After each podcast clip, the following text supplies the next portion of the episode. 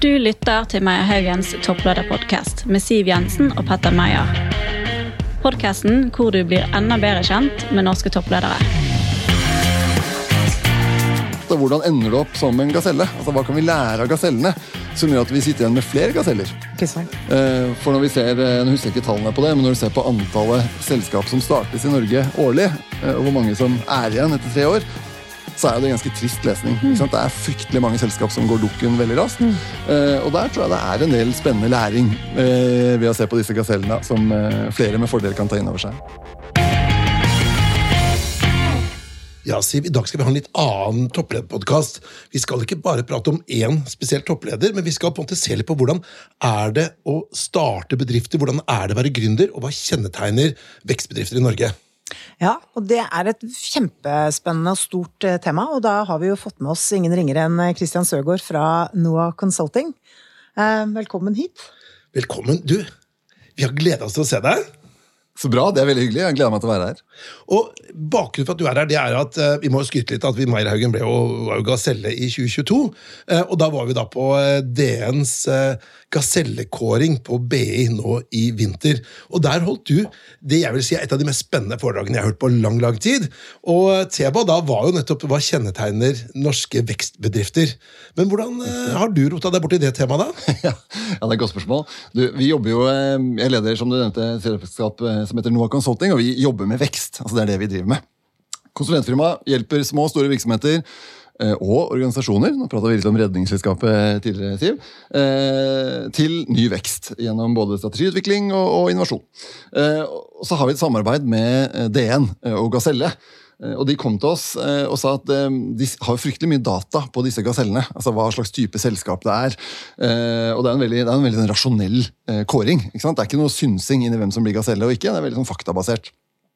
Eh, så, men de vet veldig lite om hva som egentlig kjennetegner de selskapene som blir gaseller. Altså, Hva er det de gjør? Så de, de vet, eh, har god kontroll på outputen, at de vokser, og at de vokser fort, og at de vokser lønnsomt. Men de visste veldig lite om hva, som, hva disse selskapene faktisk gjør, og hva vi kan lære av det. For å prøve å skape enda flere gaseller og sunne vekstbedrifter. Men du, det- hvis jeg avbryter deg, for det er ikke sikkert alle vet hva denne gasellekåringen er. Kan ikke du si litt kjapt om er gaselle? Jo, det kan jeg gjøre. Det, Gaselle er, det er faktisk en kåring som eh, det foregår både i Norge, Sverige og Danmark. Eh, Av tilsvarende i Norge så er det Dagens Næringsliv som står bak det, eh, og tilsvarende deres søsteraviser i, i Sverige og Danmark.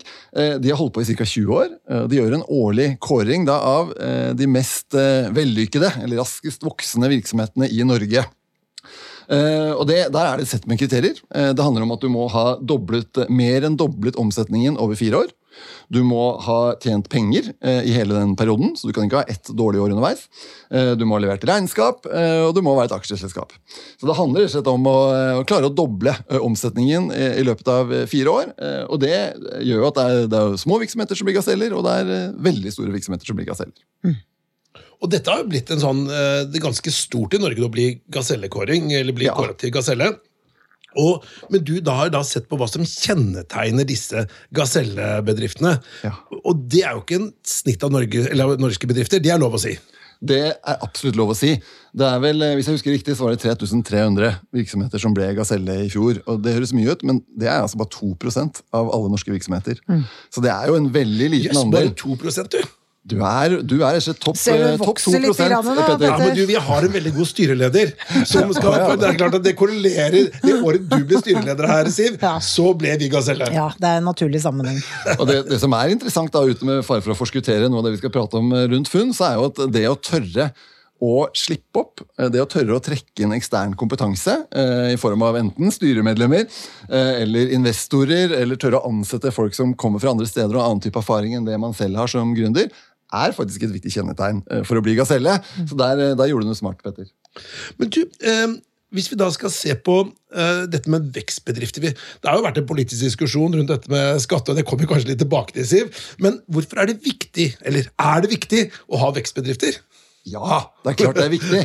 Og det, er ikke, og det handler jo ikke om å Og det ser vi når vi prater med disse gasellene også, at det er jo ikke at det er få av de som, som brenner for veksten i seg selv. Altså Det er ikke det det handler om. Det er veldig få av disse gründerne som blir eh, gaselleledere etter hvert, som, som, starter et selskap fordi de har lyst til å tjene mer penger. Mm. Det er ikke det det utgangspunktet eh, er. I all hovedsak så er det en lidenskap for fag.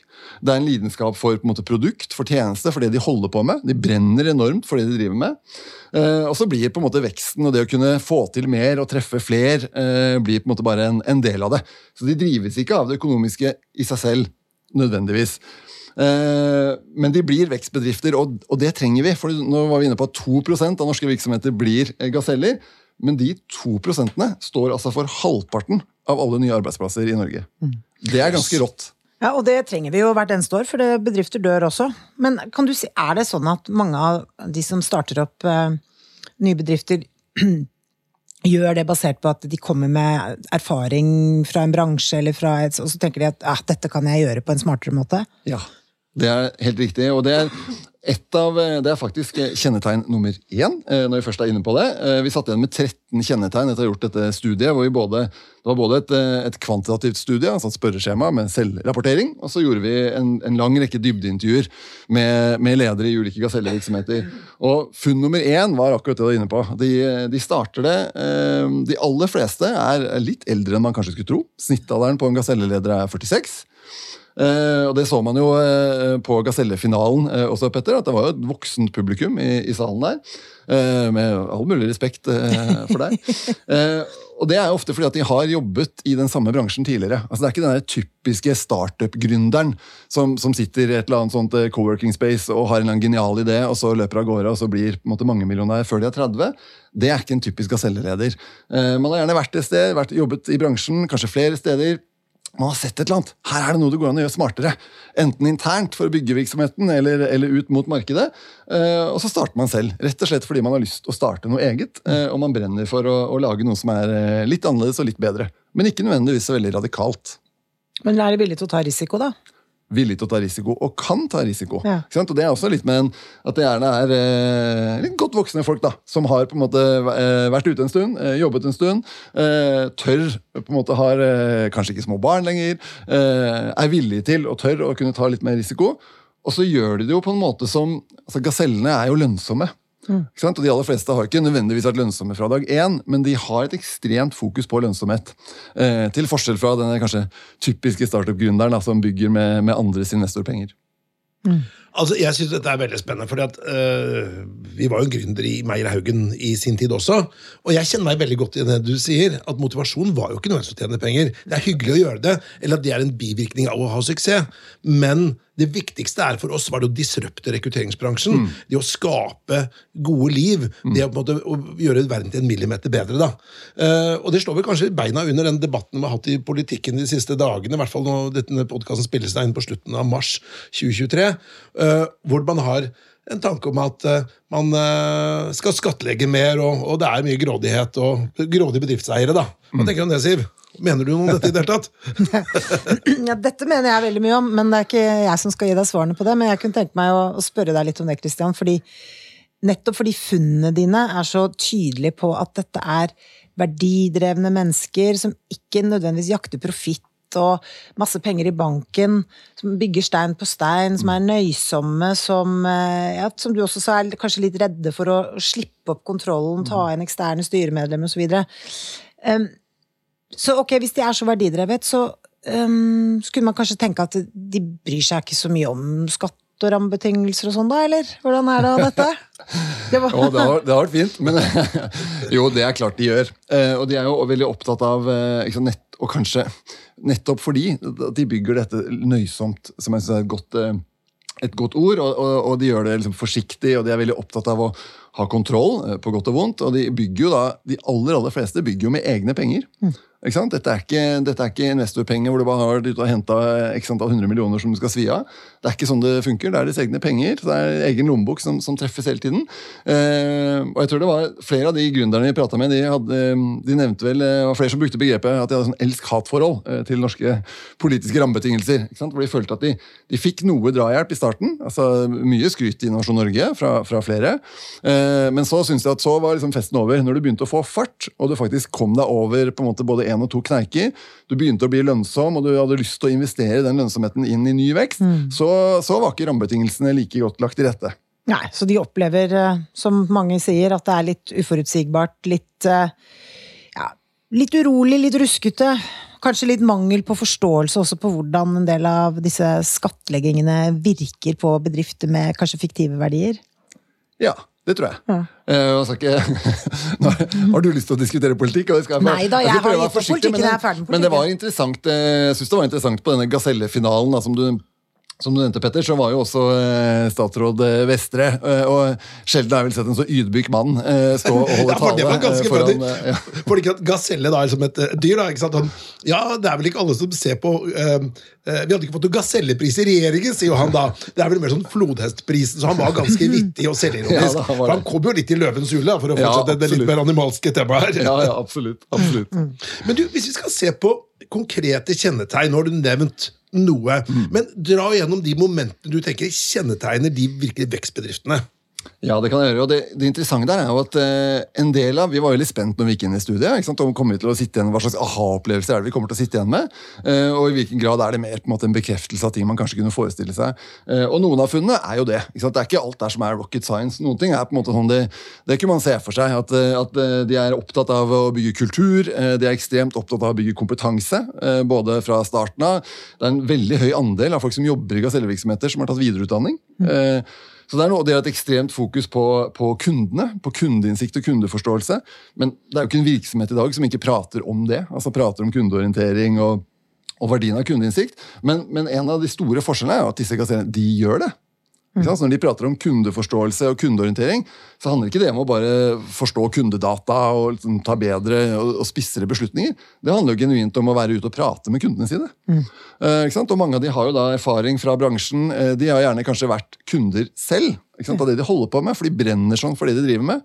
Eh, så det var noe av det jeg synes kanskje var mest eh, interessant. det er jo at den, Når man ser listen over kjennetegn, så kan man fort tenke at jo, men dette er jo viktig for enhver bedrift, men, eh, men den store forskjellen er altså at disse virksomhetene de, eh, de gjør det. Eh, og så syns jeg det var et par andre kjennetegn som var spesielt interessante. De eh, har et, eh, et stort hjerte for bærekraft og kombinasjonen av bærekraft og vekst. og Hvordan vi bør bruke bærekraft som en driver for innovasjon, ikke bare som et rapporteringsregime.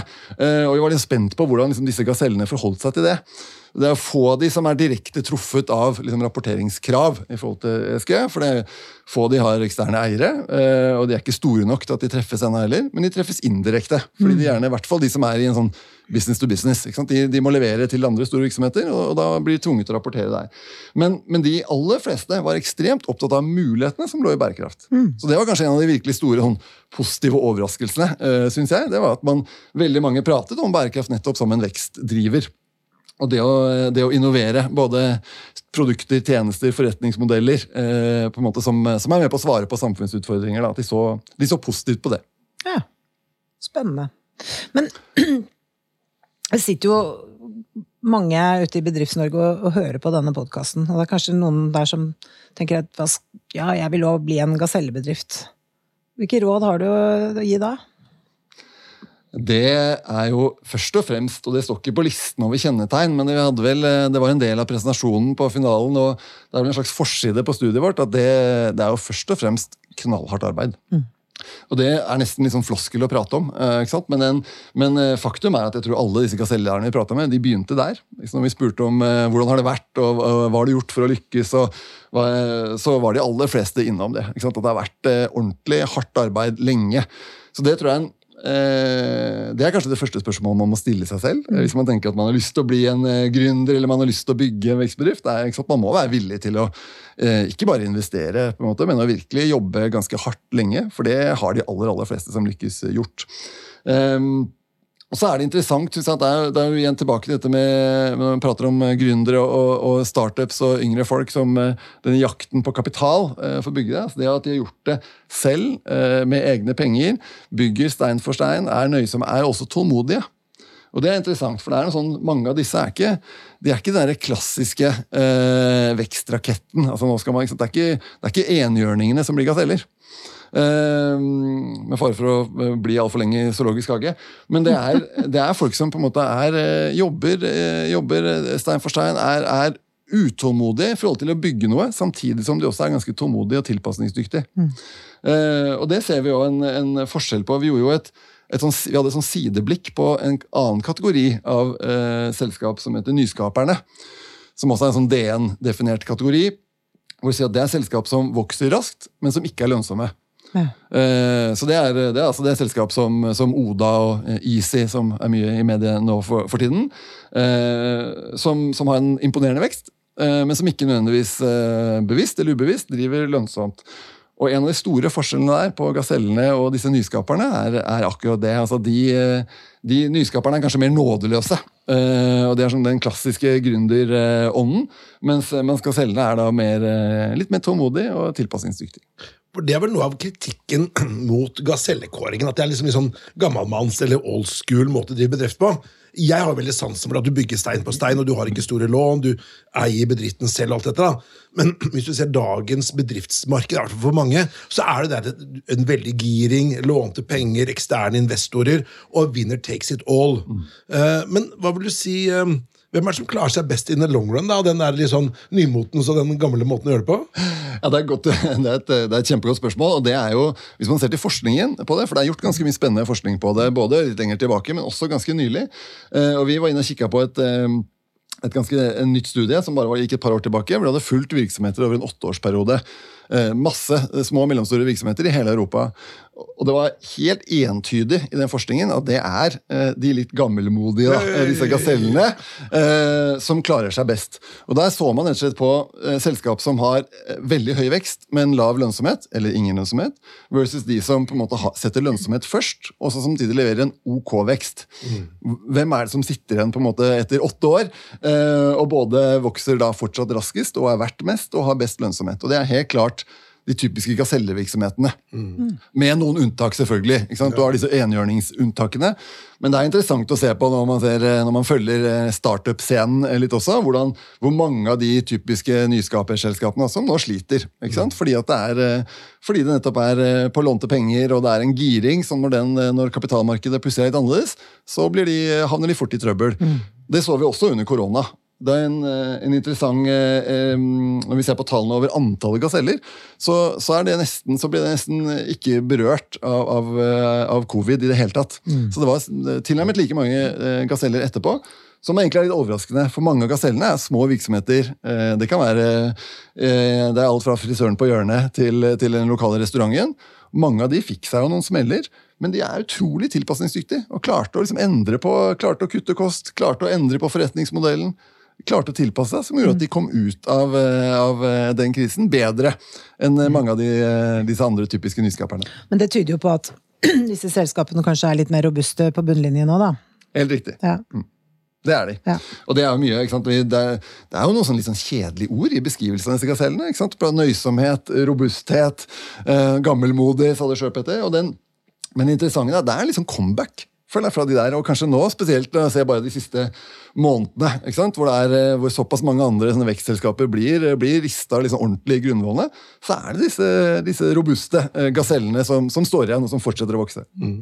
Men også gasellebedrifter um, er jo um, har jo en gang vært små, nystartede gründerbedrifter. For nå føler jeg på en måte at vi snakker veldig pent om disse gasellene, og så snakker vi nesten litt stygt om disse gründerne, og det er jo ikke helt fair. Nei, det er ikke helt fair. Og det er jo ikke som du sier at alle, alle gaseller har vært små, og de har jo ikke nødvendigvis vært lønnsomme fra starten av. Det er jo ikke noe kriterium. Du kan jo ha drevet, drevet hatt tøffe kår i, i, mange år, før du så klarer å komme deg av å drive lønnsomt, og etter fire år så blir du gaselle. Eh, og det er jo enormt, altså Vi trenger jo disse gründerne. Vi trenger alle de som er villige til å satse både, både tid og penger og, og, går inn i dette med hud og hår og passion og ønsker å, å enten endre noe litt eller, eller radikalt. Um, og så handler det om det vi har prøvd å se på med dette studioet, er å si at vi vil gjerne hjelpe så mange som mulig av de gründerne med å lykkes. Mm.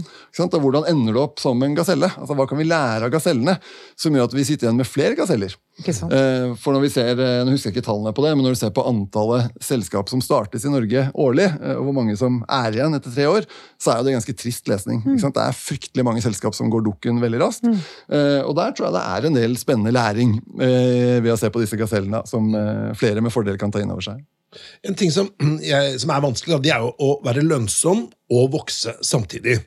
Og så kommer det litt an på bransje. ikke sant? Skal du da skal du starte flyselskap, så er det ekstreme verdier som kreves. Skal du starte et rekrutteringsselskap eller et konsulentselskap, så trenger du en PC og en telefon. Så, så dere på noe av bransje, Er det noe bransjeavhengighet her rundt dette med gaseller? Ut forhold til investeringsbehov?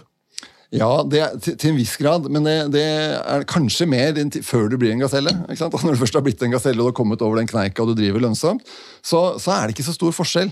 Eh, og det interessante der er at nå vi kikket jo også på, på måte, bransjer og kategorier.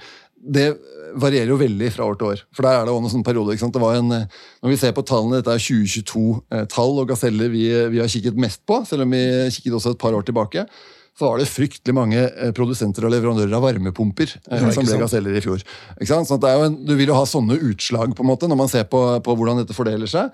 Eh, men i grove trekk så er det, er det en ganske god fordeling av på en måte både aktører som, som driver mer kapitalintensivt, da, altså som driver med innen industriproduksjon eller virksomhet, med, på en måte med tjenestelag eller tjenesteaktører. Men du, hva er det som har skjedd med dette trauste landet vårt, da? Altså, du skal ikke gå så mange tiårene tilbake før ja, Hva skal man si, da? Folkesjelen var litt sånn at det er tryggest å bli ansatt i et annet selskap enn å starte opp selv. Så plutselig så har det skjedd noe. Har du noen forklaring på det? Ja, det er, sikkert, det er sikkert mange ting, men du har helt rett. Altså, jeg tenker Det er jo en helt annen det er jo både en annen, eh, en annen prestisje, og det er jo mange flere som på en måte tør som tør å ta det valget. Jeg tror det, En hypotese er at det er kanskje like mange som hadde lyst til å gjøre det tidligere, men man turte ikke. Mm. og nå er det flere som tør. Det handler jo litt også om disse dette elsk-hat-forholdet til rammebetingelsene. Det, er jo den, eh, det sikkerhetsnettet gjør jo kanskje også at flere tør eh, å prøve å satse. Men så tror jeg det har vært en del eh, Det er jo mange aktører, spesielt på liksom startup-scenen. altså Både ulike co-working spaces og det er aktører som eh, Startup Lab og Mesh videre, som har som har lagt til rette for det. Som, at, som er med på å bygge både noe infrastruktur og nettverk og arenaer hvor man kan møte likeverdige, man kan lære man kan, Som gjør at eh, jeg tror flere føler seg trygge. Eh, de tør å satse. Eh, føler at de har folk å gjøre det sammen med, og det er folk å lære av. Som, eh, som gjør at man slett eh, man tør da, å kaste seg, kaste seg utpå. Og det er jo mange flere som, som, som gjør det i dag.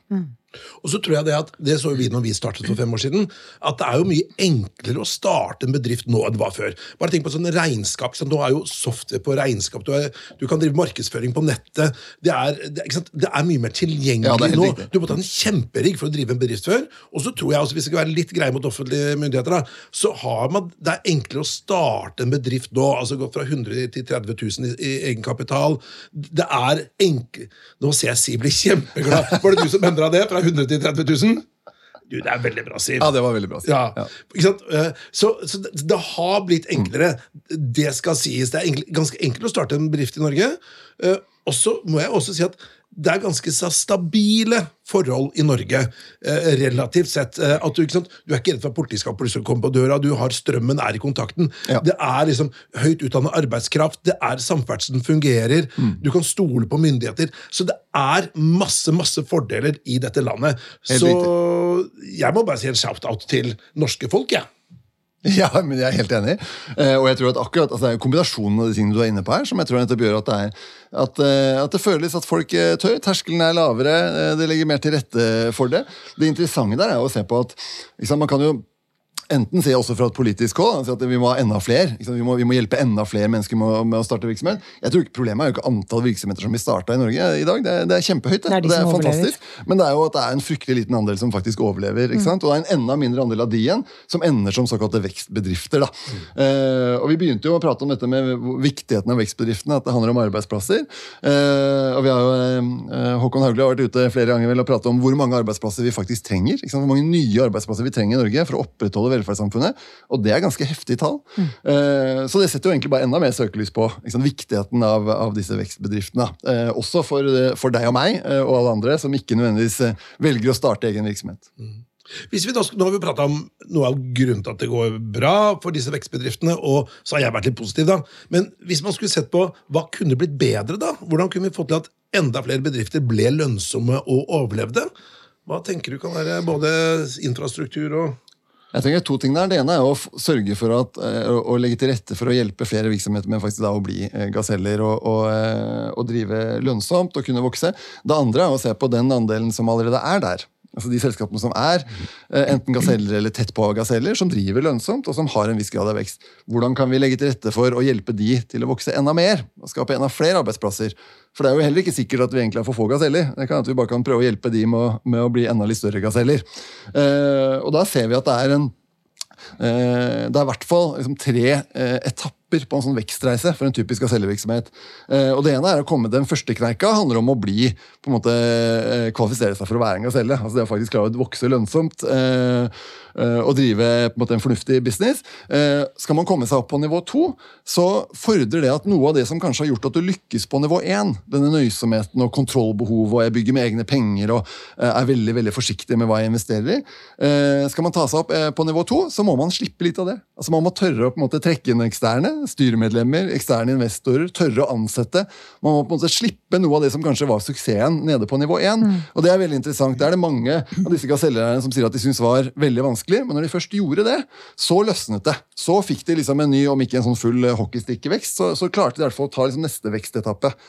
Og så skal man inn på den tredje etappen, for vi så i grove trekk at det var tre eh, sånne vekstetapper Og den øverste den handler gjerne om å om å slippe opp enda litt mer. Altså Det å tørre å, hente inn eksterne investorer som kan være med på å liksom, akselerere veksten ytterligere. Det å tørre på et eller annet tidspunkt også si at jeg var gründer, men det er ikke sikkert jeg skal være daglig leder. Eh, jeg henter inn en annen person eller noen andre til å overta driften av selskapet, sånn at jeg enten kan være en, en aktiv eier og styremedlem, eller kan jobbe mer hands on med produkt og tjeneste og utvikling. Og Der så vi at det, De aller fleste gasellene hadde stått og stanga litt i taket mellom disse ulike nivåene, før de så turte på en måte å slippe opp. Så Det var noe av det vi var opptatt i studiet også, var å se på hvordan kan vi hjelpe eh, og diskutert mye med DN også. Hvordan kan vi hjelpe virksomhetene med å forstå hva skal til for at du tar på en måte dette neste steget. da. Mm. Spennende det du sier, for jeg leste en undersøkelse som understøttet akkurat det du sa. og Der så du at den, eh, den hockeystikken, da, altså når du på en måte virkelig vokser eksponentielt, da, det er når du bytter ut generalister med spesialister. Ja. Og så har jo det selvfølgelig, det korrelerer, for det, det kan være da du har råd til å gjøre det, og sånt noe, men du ser at når du får inn at du ikke skal være sånn der, eh, han som satt på Egertorget og satt på ei tromme og spiller piano og kastanjetter. Du skal liksom gjøre alt. Du skal være, multikunstneren? Ja, multikunstneren. For det er det ingen som er. Nei. Når du får en ny leder, du får en ny markedsdirektør, du får en salgsdirektør, og de kan mm. Det er de best på, da. Ja. Det er riktig, og det er noe med den profesjonaliseringen. Det så vi er også en viktig driver for, for de som virkelig lykkes med veksten. at de tør og de klarer å profesjonalisere seg. For det er når du er liten, så Det var en, noen som introduserte begrepet 'akkurat nok struktur'. Ja. Som hadde vært et viktig prinsipp gjennom hele vekstreisen. Jeg synes det var veldig fint, for sånn, Når du er liten, du trenger ikke så mye struktur. Ikke, ikke på, Du må ha det du må ha i forhold til rapportering osv. Hardt arbeid og common sense hjelper jo andre du lagt med, ikke sant? ja. Men det er noe med det, og etter hvert så må du faktisk bygge litt mer struktur for å klare å skalere. Uh, og Det handler noen ganger også om å slippe opp, for det kan også handle om å tørre å, å, å sette ting. De aller fleste små jobber jo ikke strukturert med strategiutvikling eller med salg og markedsføring. Det kommer litt uh, relasjoner, og det kommer av seg selv når du når en viss størrelse, så må du jobbe profesjonelt og strukturert med det på en litt annen måte. Men hvor mange av disse, altså, mange av disse bedriftene vi snakker om nå, eh, ja, de er lønnsomme og de går bra, men de, de, de, ikke, de deler jo ikke ut eh, store mm, utbytter og Ikke sant. Det er igjen nøysomhet, og bruker alle pengene på å vokse, eller få bedriften til å vokse. Mm. Og de flytter jo ikke til Sveits heller, mange av disse. Nei, noen gjør det. Ja, Men det må være en ganske betydelig frustrasjon eh, hos mange av dem hvis de blir sett på som eh, grådige rikfolk som bare skal utnytte systemet og leve fett på um, Ja. Ja, det er helt riktig. Og det tror jeg gjelder jo nok både de som har valgt å flytte ut til slutt, og ikke. Og, og, og det er klart det er jo, Vi prater jo med aktører som også hadde valgt å flytte ut, og som sa at den de følte seg straffet. ikke sant? Dette er jo ikke noe eh, overraskende, men at de føler seg straffet over at de, at, ja, de ønska jo genuint ønske om å nettopp reinvestere i ny vekst. Mm. Eh, og mer impact. ikke sant? Vi har begynt med, altså Mange av disse selskapene er jo, er jo, verdidrevet. De er opptatt av å gjøre en forskjell, enten i samfunnet eller for klima og miljø. eller hva det måtte være. Eh, og så føler de at det på en måte blir begrenset ikke sant? for evnen deres og, og, mulighetene til å fortsette å investere i vekst. Så, eh, så jo da, det er nok en del frustrasjon hos eh, flere av de. Men vi får heie på de. Vi heier på dem. Ja. Sju dager i uka. Du, Jeg tenkte vi skulle gå inn for landingen, da, men siste spørsmål rundt dette her med Hvordan skiller Norge seg fra andre nordiske eller europeiske land når det gjelder dette med gründervirksomhet og vekstbedrifter? Har du noen tanker om det? Så jeg tror en, Vi, har, vi kikka litt på, eh, på, tilsvarende studier i, i, Danmark og Sverige, uten at vi på en måte at det var liksom direkte sammenlignbare data. Men jeg tror at noe av den Da er det liksom det trøkket, det er ambisjonen, det er nådeløsheten sant, som noen av disse en, eh, enhjørningsvekstbedriftene eh, viser det kan man jo gjerne savne kanskje hos en del norske eh, næringslivsledere og, og, norske virksomheter som jo på en måte er gjerne litt mer forsiktige. Vi har jo, ikke, vi har jo mye færre av de der virkelig vekstrakettene enn det vi ser i, i Sverige f.eks. Eh, men når det, når det, kommer til det vi prater om nå, med denne gaselle og denne nøysomheten og, og sten på sten, så kommer litt den også, den, eh, den, norske kulturen på en måte kanskje også til sin rett. ikke sant? Da man ikke tenker ikke nødvendigvis sånn ekstremt stort og skyter full fart med en gang, men man gjør det, man gjør det ordentlig uh, og, og, forsiktig, og er veldig opptatt av å, å gjøre en god jobb. og uh, Men du, er, det der, er det der kulturelt? Eh, altså at vi har en annen kultur i Norge enn bare i Sverige? Eller handler det om rammebetingelser? ja, Det handler sikkert om begge deler, Siv. Det handler nok, jeg, Selv om det ikke høres sånn ut, så er jeg dansk. Eh, og ser jo, jobbet mye i både Sverige og, og eh, Danmark. Eh, og ser jo, det er jo det er også noe kulturelt, mm. i hvert fall, for det handler jo, det ser man jo generelt sett på sant, forskjellene på, på kultur og måten næringslivsledere eh, driver eh, på. At det er en litt annen eh, Det er en litt mer sånn nådeløs, kommersiell måte å, å, jobbe på. Danskene er jo et handelsfolk. De er, det er jo bare det de har. Mm. Eh, og svenskene har på en måte en litt annen måte å, å drive virksomheten sin på. Så, så, det handler i hvert fall om kultur, og så handler det sikkert også om politiske rammebetingelser. Stiv. Du, jeg tenkte vi skulle runde av der. En liten sånn tips for de som har Netflix. så er det noe som heter The Playlist. Det er en, eh, en serie om Daniel Ek, som da startet uh, Spotify. Og den vil jeg anbefale å se. Det er du som don'ts i gründervirksomhet, at det har ikke vært lett. For man sitter og tenker på fy fader, han er milliardær og har så mye penger. og alt det der. Men fy fader, det er hard work, altså. Han har kjempa kjempa hardt. Den, men klart, han valgte jo å gjøre, som vi kan være glad for i dag da. Jeg elsker jo Spotify selv og bruker det hver dag. Men han valgte jo å gå inn for en sånn disruptive. ikke sant? Ja, ja. Mm. Her skal vi inn og radikalt endre noe. Det er jo krevende. ikke sant? Den, og det tilbake til disse karakterene, det, det, er få av de som har hatt den vinklingen. ikke sant? De aller fleste går inn i en, en eksisterende bransje, eh, leverer på en måte produkter eller forretningsmodeller som er i nærheten av det som fins, men som bare er litt bedre. Det betyr jo ikke at det er lett, det heller. Det er også hard jobbing. Men jeg tror eh, når man går ut på en sånn uh, mission som Daniel Eke gjorde, så uh, da er det bare å glemme å sove på en stund, tror jeg. For da det, skal du snu opp ned på en hel kategori som det er. Det er, det er krevende. Ja. Men det er bra at noen tør og er villig til å gjøre det. Det er veldig bra at noen tør. Definitivt. Men Tusen hjertelig takk for denne fine innsikten. Og vi heier på deg i sju dager i uka. Dette her er kjempespennende i den forskningen din, og vi har lyst til å kanskje invitere deg tilbake ved en senere anledning, hvor du kan prate mer om denne spennende forskningen du driver med. Veldig gjerne. Tusen takk for at jeg fikk komme. Du har lyttet til rekrutteringsselskapet Maja Haugens topplederpodkast. Vi produserer også Rekrutteringsrådet og Jobbsøker. Du finner oss der du lytter til podkast. Har du forslag til gjester, gå inn på vår Facebook-side Maja Haugen.